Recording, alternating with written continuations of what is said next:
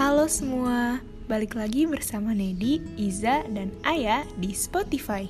Skui Podcast Aktifin Seni Budaya. Di episode ketiga ini, kita bakal bawain materi requestan temen-temen nih. Bener banget Kak Nedi. Kali ini kita bakal bahas tentang musik indie. Nah, Za, arti indie itu sebenarnya apa sih?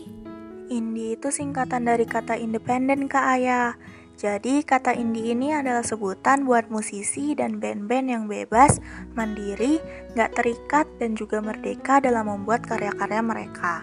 Dalam dunia musik, indie berarti melakukan do-it-yourself approach saat rekaman dan juga publishing. Dan gak jarang, musisi-musisi indie ini mendirikan label mereka sendiri buat ngelakuin rekaman dan publishing tersebut. Aku mau nambahin nih, jadi emang musisi indie ini ngelakuin promosi secara mandiri dan tanpa bantuan dari major label. Indie emang awalnya juga digunain buat ngebedain antara musisi independen sama musisi lain yang terikat sama label-label besar. Dan karena mereka ada di label rekaman independen, jelas mereka bisa lebih bebas dan lebih ekspresif dalam bikin suatu karya. Jadi bisa diartiin kalau indie tuh sebagai jalan bagi para seniman yang lebih memilih untuk berkarya secara bebas dan juga independen. Oh iya kak, kemarin-kemarin tuh ada temen aku yang bilang kalau indie itu masuk ke dalam genre musik. Tapi pas aku search, ternyata indie itu nggak ada di dalam jajaran genre musik. Jadi gimana tuh kak? Indie itu termasuk genre musik atau bukan sih? Nah ini Za, masih banyak orang yang menganggap indie itu genre musik. Tapi sayangnya itu salah besar loh. Kalau kita lihat pengertian dari indie yang dijelasin tadi, Jelas indie itu bukan genre musik, tapi gerakan mandiri musisi tersebut mulai dari recording hingga publishing yang dilakukan sendiri. Tapi pas aku buka Spotify, indie itu ada spot sendiri kak di sana. Gini Za, walaupun indie bukan genre musik, tapi kata indie di sini bisa jadi tambahan deskriptif di suatu genre.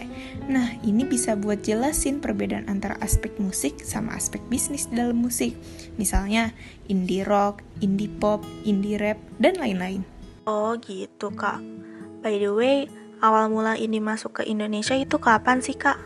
Jadi Za, tren indie mulai terasa pengaruhnya pas tahun 90-an. Waktu itu, masyarakat Indo lebih mengenal sama istilah underground daripada indie.